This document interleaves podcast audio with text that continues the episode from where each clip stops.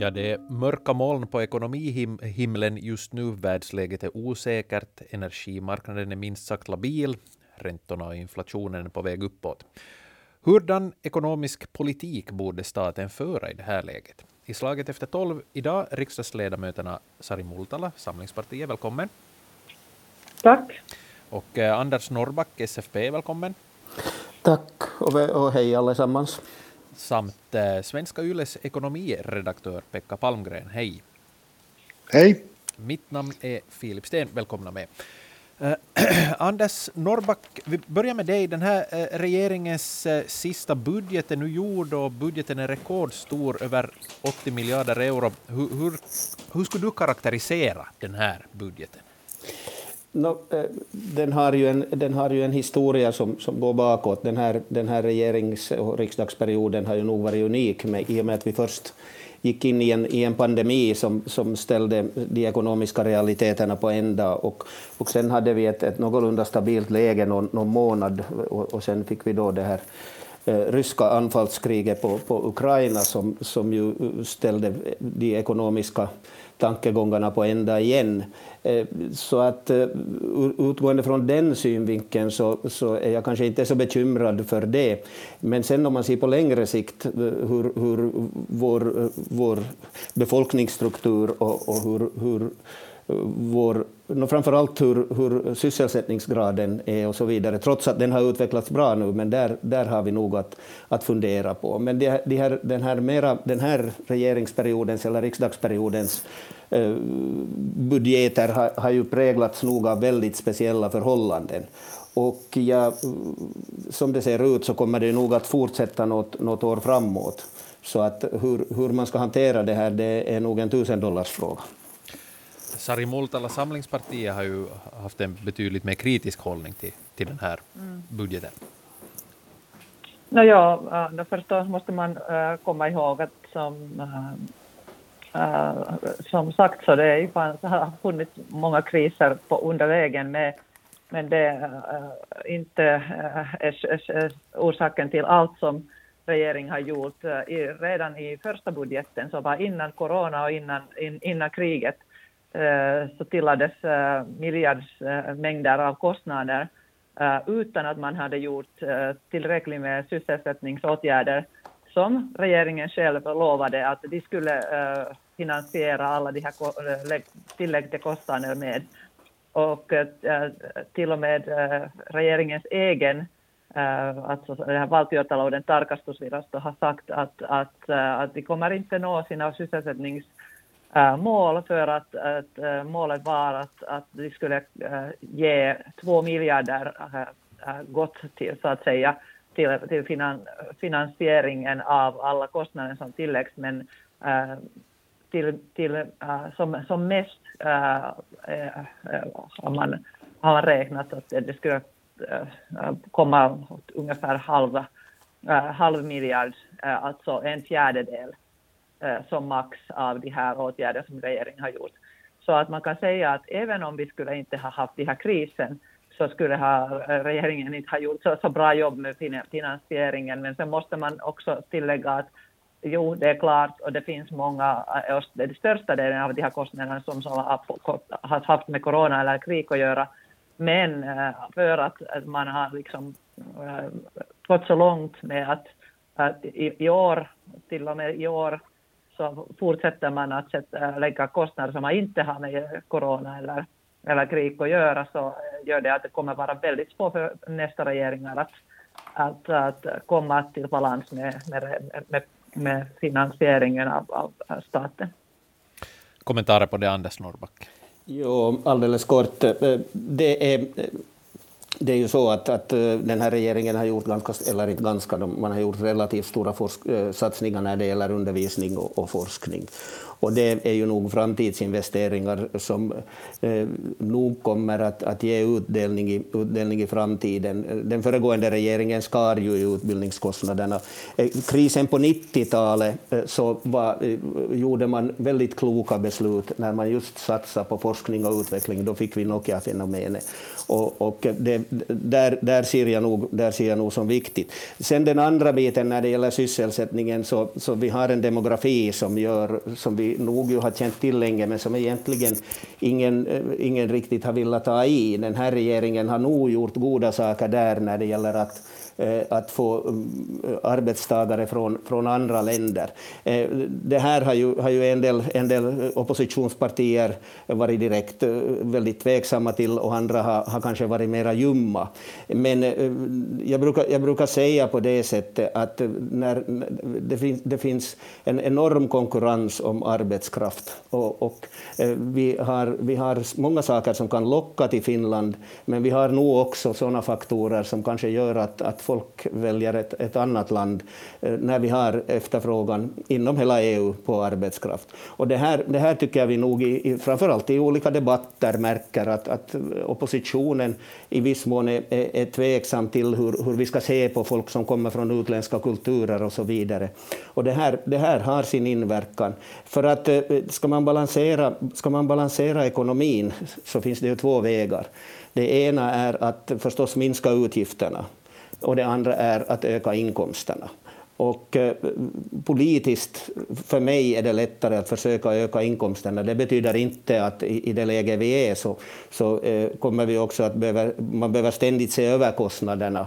Men, men eh, framtidstron blir betydligt bättre om man, om man satsar på att få fler folk i jobb helt enkelt.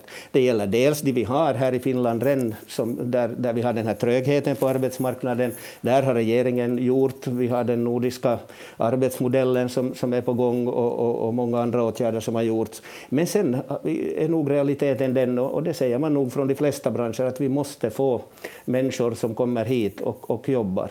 Eh, för att eh, vi, vi, får, vi, har en skevhet när det gäller, gäller åldersstrukturen i, i vårt land som, som ju eh, inte... Om vi vill behålla vår välfärd så måste vi få mera, mera folk i arbete, helt enkelt. Här är ju familjepolitiken väldigt viktig också, det vill säga nativiteten är ju oroväckande låg. Men men eh, det, det, kommer inte, det kommer inte att lösa hela problematiken. Att här står vi inför ett vägval. Och den här regeringen tycker jag har varit tydlig där. Man vill ha folk som kommer från andra länder hit och arbeta. Kommentarer på det, Sari Multala? Ja, alltså, ja, man, måste, man kan ju förklara eh, på alla bra sätt vad har man gjort. Och, och jag måste påpeka att i alla våra egna, eh, sån här, vad heter det på svenska, våra budgeter som vi har gjort, så har vi lagt mera pengar och, eh, och en, en samma summor, eh, eller samma summor till utbildning. Och det är inte sådana här pengar som tar slut som regeringen har gjort satsningar till exempel till, till dagis eller, eller äh, grundskolan, utan vi har lagt pengar som skulle vara Äh, där äh, till framtiden också.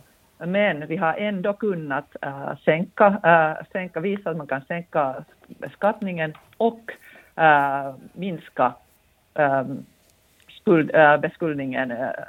Så att det är möjligt att göra alla de här utan att man tar så mycket skuld som regeringen har gjort. Och äh, det är ju därför att äh, det är lite, ähm, och sen här också man pratar mycket om om att, tillväxt och äh, arbet, äh, ar, arbete och det är ju viktigt förstås och det, det vill vi också skynda och, och, vi har föreslagit många sådana åtgärder som inte, inte regeringen tagit till.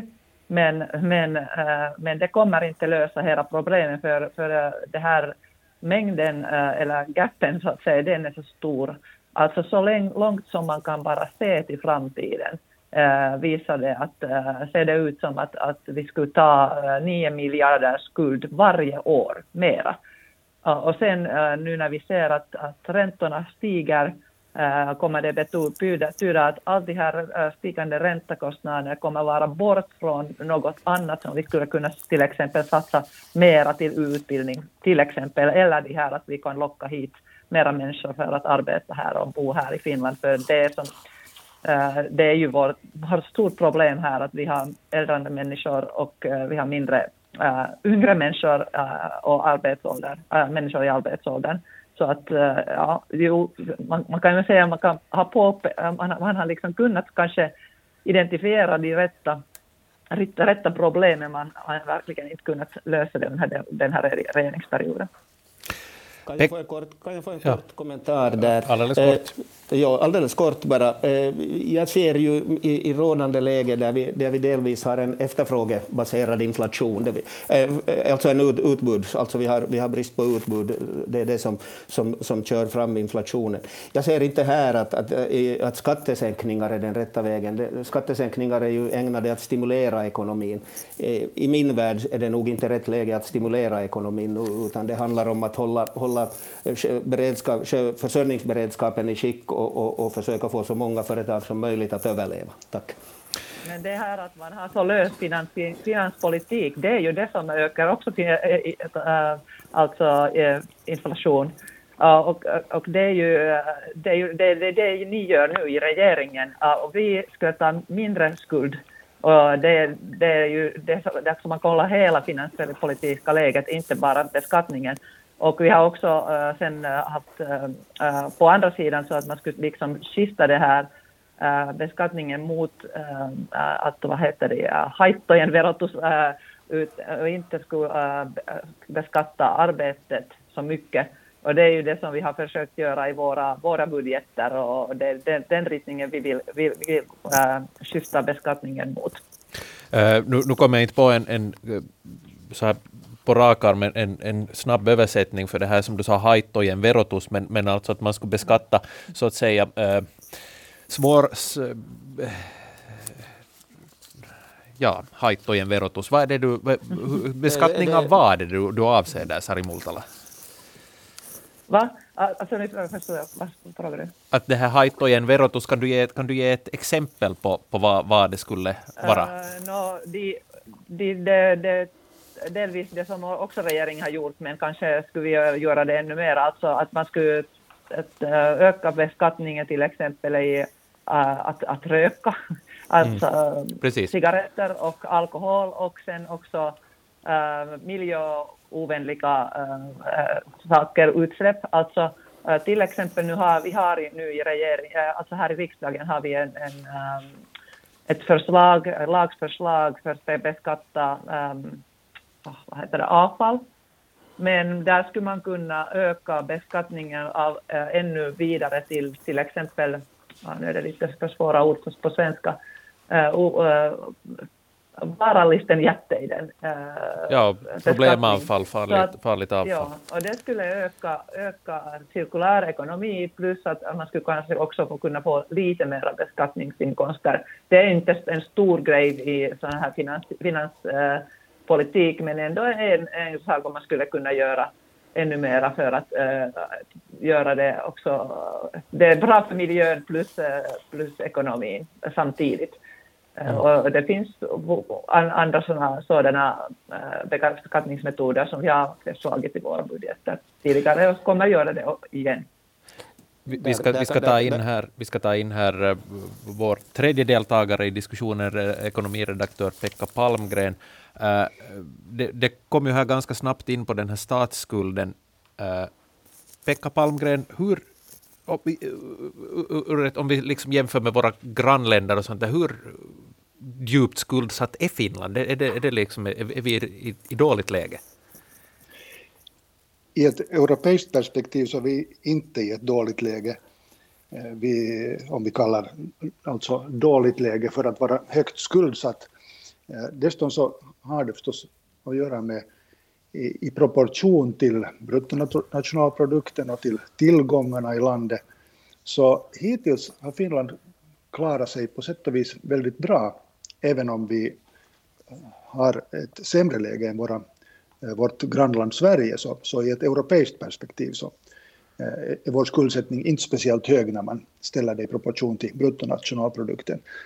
Problemet är, eller ska vi säga att utmaningen just nu är den att räntorna håller på att gå upp och all framtida och, och eh, inom nära framtid tagna lån så kommer att ha andra villkor än, än de som vi har kunnat ta under de senaste åren. Intressant är att märka till exempel att skuldsättningen har ökat, vi har tagit mer och mer lån under de senaste åren, men räntorna har gått kraftigt ner under de senaste åren samtidigt. Men nu är det inte sagt att att eh, ränteutvecklingen är densamma mera. Och då blir det betydligt svårare. Så där har nog regeringen en jättesvår uppgift att balansera. Sari Multala sa här, här tidigare att det blir svårt för följande regering att, eh, att eh, balansera ekonomin efter den här regeringen. Är inte det egentligen ett sånt, det, det är väl de flesta regeringar, eller när det blir regeringsskifte så, så eh, är man i ett sådant läge att nu, nu måste vi reda upp efter de här som var här, här före. No, statsskulden är ju ett resultat av årtionden av, av eh, skuld, av, av låntagning. Att det är ju eh, ingalunda rättvist på något vis skuldbelägga den nuvarande regeringen, utan det är ju något, någonting som har pågått egentligen sedan hundra år tillbaka. Finland har ju alltid tagit skuld och alla, alla stater tar skuld. Skuld är någonting positivt så länge det inte blir en belastning, till exempel om räntekostnaderna hålls låga. Sari Multala, kommentar på det? Uh, alltså, ja, det är ju Skuld är någonting positivt? Kost, uh, skulden positiv. Så sa, så sa Pekka alltså Palmgren. ja, no, det är ju positivt om räntorna är väldigt låga. Och, och det, det, är ingen, inte så stort problem då, men uh, nu börjar det, vi se att, att de här uh, kommentarer som vi hörde, att det gör ingen skillnad hur mycket, hur mycket skuld vi har, kanske inte var så äh, rätta ändå, för att äh, nu börjar det se ut att vi kommer betala mera för räntorna. Och äh, jag sitter själv i, i alltså, äh, vad heter det nu här, valtiovarainvaliokunta. Och, och vi har ju hört äh, väldigt många äh, experter. Och det finns ju, kan man nästan säga, att ingen expert som tycker att, att, att det är ju bara bra för att ta skuld. Och det är positivt. Äh, och man måste ju komma ihåg att även om det har tagit nu flera regeringsperiod regeringsperioder, att vi har tagit skuld mera, men förra perioden under Sipiläs regering så var det ännu minskande. Uh, och, uh, då kommer man säkert också ihåg att det var väldigt mycket kritik eh, mot att, att vi försökte minska då beskuldningen. Och förstås inte alla sätt som man gjorde det var inte bra och inte rätt. Och det är ju alltid så när man sitter i regeringen att man inte själv kanske vill göra allt, men man måste ju ändå göra det om man vill vara med i regeringen. Och, och så är det säkert också nu för den här regeringen. Men jag tycker det är väldigt oro, oro, oro, oroväckande och man kan inte uh, uh, god, godkänna det, att, att det är ett problem att vi, att inte bara skuldningen, utan också det att vi har det här åldrande, uh, alltså, befolkningen. Alltså, befolkningen. Eh, och, eh, och det, det kommer, ser vi ingen eh, skillnad på, för flera, flera år i framtiden. Och som, som sagt, det behöver vi, det, det räcker inte till att vi sysselsätter mera människor som redan bor här, utan vi behöver också uh, människor uh, utan, från utomlands att, att jobba i Finland. Och det är något som också nästa regering måste fortsätta jobba med, för uh, även om regeringen nu har försökt göra åtgärder åt det, mot det, så det, det måste ändå liksom skyndas för att, att eh, annars, annars kommer det här inte eh, lösa sig. För att tillväxten i, i, i, i ekonomin kommer mest från att, att alltså att antalen äh, arbets... Äh, det är de människor som är i arbetsåldern växer eller, eller och att, äh, att produktiviteten växer. Och, och, när vi vet att den här eh, mängden av människor kommer inte att växa, så produktiviteten måste växa.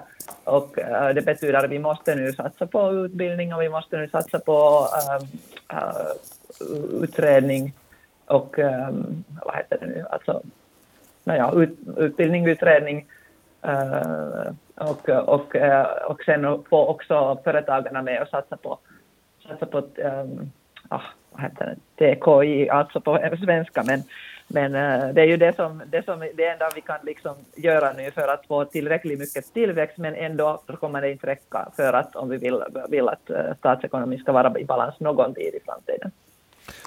Anders Norrback. Jo, eh, det, eh, här, här håller jag med, med Sari ganska långt. Eh, och det är klart, det hör till oppositionens roll, men, men när man lyssnar på debatten i, i plenisalen så, så är, är, är nog oppositionen väldigt kritisk till att vi skulle, skulle öka, öka befolkningen från andra kulturer hit ganska kraftigt. Och, och det, det, det, här, det här är, det här är, det här är, är, är, är liksom en, en signal som förstås de som funderar på vart de ska åka och arbeta som, som de tar till sig. Och, och sen alldeles kort om det här nu med, med de här uh, skatter på, på, på skadliga skadliga ämnen. Så, eh, Samlingspartiet har ju, har ju ofta haft, haft i sina budgeter den här eh, skatten på, på eh, fossila bränslen på en, på en annan nivå, men samtidigt står man också och säger att, att eh, bränslepriserna är för höga. Men det är klart, det här är oppositionens roll, så här, så här fungerar vår demokrati. Eh, när, det, när det kommer till, till den här statsskulden och det så, så eh, det är, man, man kan förstås förklara det på många olika sätt, men jag, jag brukar enkelt säga så, det må gälla privathushåll, det må gälla företag eller den offentliga ekonomin. De är till sin karaktär väldigt olika, men de har en gemensam grundregel, och det är det över tid måste inkomsterna vara lite större än utgifterna, annars går det på tok. Och det här, det här är, är någonting som, som som nog, nog ibland höjs i dunkel. Eh, lån ska man ta för att göra investeringar, det vill säga för att skapa förutsättningar för kommande inkomster. Eh, men lån kan man inte på sikt ta för driften. Och det är alldeles klart att i viss mån hade, hade under den här regeringen, på grund av kriserna, så har man, har man eh, gjort, gjort olika punktinsatser. Men jag hävdar att de investeringar man under pandemin försökte rädda företag och, och också när det gäller, gäller nu under, under läget i världen med, med Rysslands fruktansvärda eh, anfallskrig på Ukraina så har man satsat på själv eh, beredskapsförsörjningen och på försvaret. Och de här är ju nog framtidsinvesteringar allihopa. Eh, men, men, eh, och, och eh, det, det, det är ju precis, jag håller med Sari där, att, att det, det är nog en mera långsiktig balansering vi behöver. Men eh, vi, vi, står nog inför ett, vi står nog inför ett vägval och vi har nog en skillnad i salen när det gäller om vi ska vara en öppen stat eller om vi ska vara en sluten stat. Och, och det här, det här, vi måste se helheten här. Det, vi, vi, vi kan inte bara plocka ut enskilda delar. Och det här tycker jag jag saknar i, i den här debatten.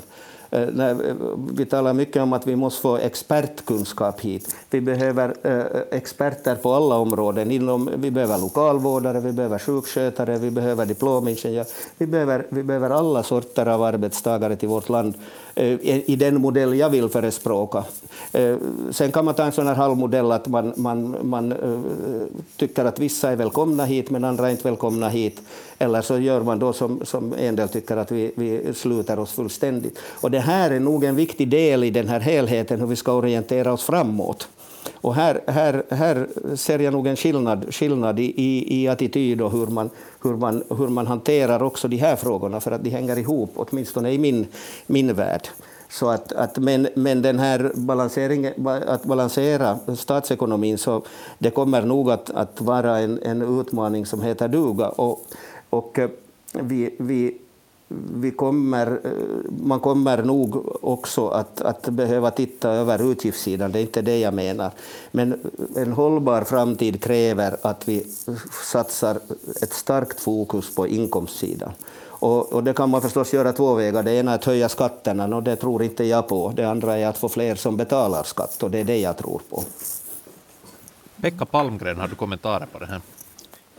När man följer med den här debatten om, om statens finanser så tycker man ofta kommer till den där frågan att eh, vilken roll ska staten överhuvudtaget ha?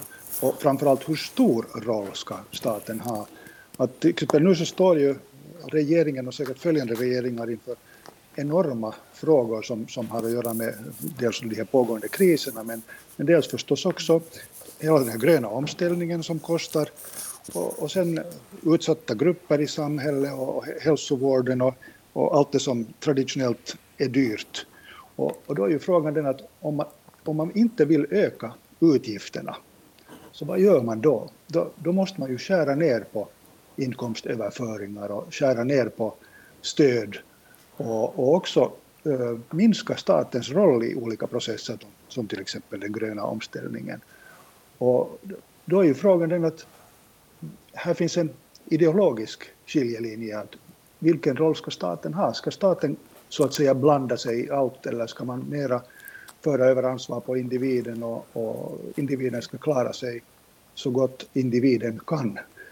Eller ska staten hjälpa i alla lägen, till exempel under en sån här elkris som vi genomgår just nu? Hur mycket ska staten vara och hjälpa hushållen egentligen? Det, det tycker jag är en ideologisk fråga som sen syns i, i statsbudgeten i, i sista hand i form av till exempel ökade utgifter eller då nedskärningar. Sari Multala. Uh, no, ja, nu var det ganska mycket förenklingar där tycker jag nog. Att, att man, man kan ju inte säga att det här bara är en ideologisk fråga, att, att hur, hur mycket vi tar skuld för staten. För att, att alltså, nu vet vi att vi nu, den här regeringen har mest försökt att lösa alla problem med att äh, sätta mer pengar. Men inte har, har, vi, om vi inte har råd med det, då måste vi göra att hur kan vi nå de här samma äh, mål, till exempel med den gröna omsättningen, äh, utan att man lägger så mycket pengar. Att det till exempel, för att nu vet vi redan att äh, alla, väldigt många av de här ähm, nya energiproduktionsmetoder äh, är redan äh, marknads ähm, mässigt, alltså uh, att det gynnar sig att, att investera i dem utan att bli bidrag. Så då betyder det bara att vi måste liksom ha väldigt snabba uh, uh, hantering för olika lov, att, om man vill, och också om stadsplanering och så vidare.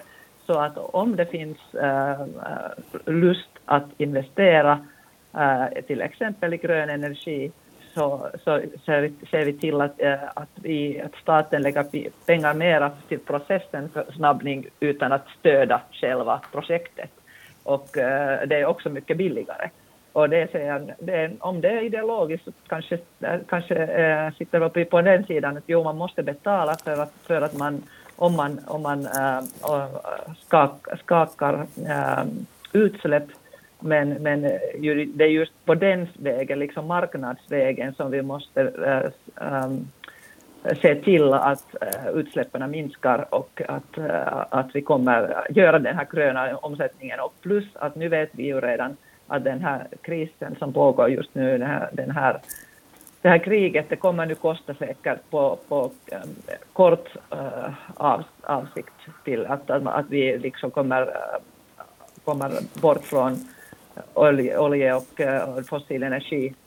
Men äh, på lite längre sikt äh, kommer det gynna oss att vi gör de här investeringarna och, och det finns ju mycket men många, många, många som vill redan göra det inte behövs även, även bidrag. Men sen om man gör sådana här lag, föreslag som till exempel nu regeringen har gjort att, att att om man sen går med det här bidragspostprocessen så måste man ta olika kriterier till hänsyn. Till exempel nu har de lagt dit att man måste ta hänsyn till de här kriterierna som har avskaffat eh, för finansieringen, det här kestävä rahoituksen kriteriet, som är inte ens menade till eh, att, att man kollar dem om man ska äh, kolla på olika lov eller, eller, eller stadsplanering som kan göra att, att det ännu gör det äh, långsammare för till exempel vindenergi att, att gå vidare.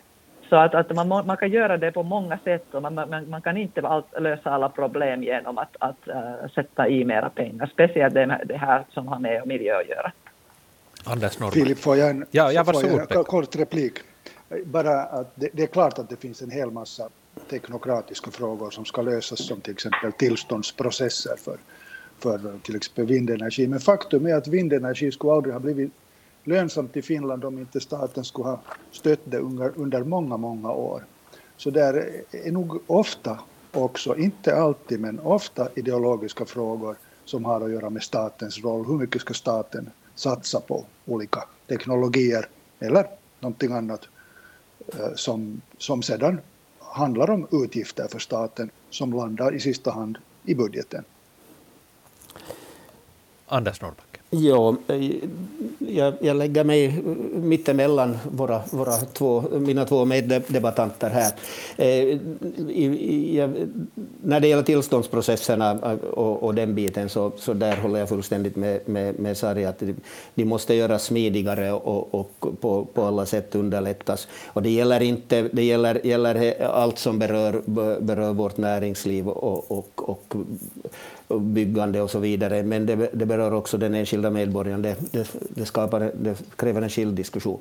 Eh, statens roll, eh, som, som inte har varit upp här idag, statens roll eh, i det här läget eh, Eh, ser jag nog som väldigt viktigt att vi kan ta hand om de som nu i det krisande läge vi har, eh, så att de eh, så att säga har en dräglig tillvaro. Och det, här, det, här, det här är någonting som, som är väldigt viktigt för att vi ska hålla vår enighet i, i det här landet. För att eh, den stora utmaningen, det må gälla statsbudgeten eller hela vårt samhälle just nu, är att vi har en nationell enighet när det gäller fördömande av, av av eh, det fruktansvärda kriget i Ukraina och också att vi i Europa håller en enighet. Lyckas vi med det, då har vi en ljus framtid framför oss. Då, då kommer nog saker och ting att falla på plats. Eh, vi har lite tyngre tider, men, men, men jag ser nog att, att de, de här kriserna går att lösa om den här förutsättningen eh, ligger, ligger på plats, så att säga. Det vill säga att vi håller enigheten i landet, eh, vi håller enigheten kring de här frågorna i, i, på EU-nivå och också på global nivå. För att eh, det, det, är nog en, det, det, är nog den stora ödesfrågan just nu i min, i min, i min tankevärld. Du förde in samtalet på, på EU här och, och, och skuldsättningen är ju stor, närmast galopperande i de, i de flesta EU-länder Eh, just nu. Det har redan lite börjat talas om eventuella nya gemensamma skuldpaket i likhet med det här som, som äh, infördes äh, i början av, av pandemin. Äh, hur, hur, ser ni på, på den saken? Alltså där, där är ju då, då det är gemensamma skuldpaket så då är det förstås någon som ska få pengar men det är också någon som ska betala. Finns det, någon som ska, finns det kvar någon som ska betala här numera mera? Sari Multala. Ja, det är, en bra, det är en bra fråga och jag tror nog att jag var väldigt lättnad att jag såg att också regeringsministern har ju, hade ju svarat att Finland ser väldigt kritiskt mot att vi skulle ta mera äh, gemensamt lån och dela det ut för vissa EU-länderna. Och det som, det, var, det, det som här rapporten sa tidigare, att jo, det är, sant att vi har nu stött till exempel vindenergi Eh, och jag vet inte om det hur ideologiskt är det, för eh, i alla fall vi har inte eh, varit emot det utan varit, varit, varit på, för det, men, men nu behövs det inte längre. Men, men, men man kan liksom fråga om vi har gjort, och vi har gjort väldigt mycket insatsningar för att vi ska få de här investeringarna till grön energi och vi är, har väldigt ambitiösa mål för att vara neutral, kolneutral i 35 och, och, eh, det betyder också kostnader, och för att, att vi, om vi bara vill vara så snabba i det. Så det känns nu lite, för, och det har gjort att vi är inte så, eh, så alltså heter det nu, beroende på, på ryska fossil energi längre. Och, och, det har gått ganska snabbt för oss att, att komma bort från eh, ryska, ryska olja eller, eller naturgas. Så att äh, det känns nu ganska orättvist äh, för att till exempel Tyskland har, har gjort dumma beslut om äh, kärn, kärnkraftenergi till exempel och, och sen hamnat att bygga en gasrör från Ryssland till, till Tyskland, att vi i Finland borde sen finansiera det även om det skulle vara skuld. Jag tror att det inte, känns inte så rättvist i det här läget. Uh, och vi har ju, sen måste man komma ihåg när man uh, jämför olika EU-länder att även om skulden skulle vara stor i andra länder och vi, har, vi kommer liksom i första läget i det här med ålder, åldringen, beåldringen i uh, vår, vår samhälle. Och det är ju ett problem som inte alla andra har. Och vi sitter här i norra, norra Europa och har ganska långt från, borta från något annat. Och det måste jag korrigera här Anders sa att oppositionen är emot äh, att folk skulle flytta hit, så det är vi inte i, i Samlingspartiet och vi har vår eget pro program för att hur man skulle, man skulle kunna uh, att, att få mera människor att arbeta här i Finland och, och uh, det, det är bra. Och Anders kan också läsa det om han vill och se om, om han tycker han, han har samma åsikter. Det låter som han, han har ganska samma åsikter om den saken som vi. Anders Norrback. Ja, det här sista. Jag har bara följt debatten i plenisalen. Och, och, och, och, den biten eh, eh, skapar mig en uppfattning. Men eh, när det gäller, gäller det här mera gemensamma lån och, och, och system inom EU, jag tror inte, jag tror inte det är lösningen nu. Och, och, och här har vi nog en utmaning inom EU också, att, att en del länder eventuellt satsar väldigt mycket nationellt nu som gör att vi får får en situation som, som när det gäller marknaden ju egentligen går mot EU själv, det vill säga att, att den här konkurrensjämställdheten inom, inom unionen. Och, och, och, det, här, det här kommer nog att vara en utmaning, det är det här jag menar när jag säger att vi måste försöka på alla sätt hålla, hålla ihop EU. Och, och här hoppas jag att alla, alla länder har en förståelse för att vi, vi, vi är i lite olika läge och har lite olika utmaningar, men att i grunden måste nog varje, varje land ändå sköta sin samhällsekonomi själv. Eh, det, det, är, det är min, min syn på det. Så att, att eh, där, där där, där är vi nog väldigt eniga, är väldigt eniga med, med Sari och, och, och, där skulle jag ju nog säga, att, att, eller inte nog säga, utan jag tycker också att, att våra ministrar har varit, varit ganska tydliga i den här frågan. Där sätter vi punkt för slaget efter tolv idag. Tack eh, riksdagsledamöterna Sari Multala och Anders Norrback och eh, ekonomiredaktör Pekka Palmgren från Svenska Yle. Mitt namn är Filip Sten och slaget efter tolv hör ni igen imorgon.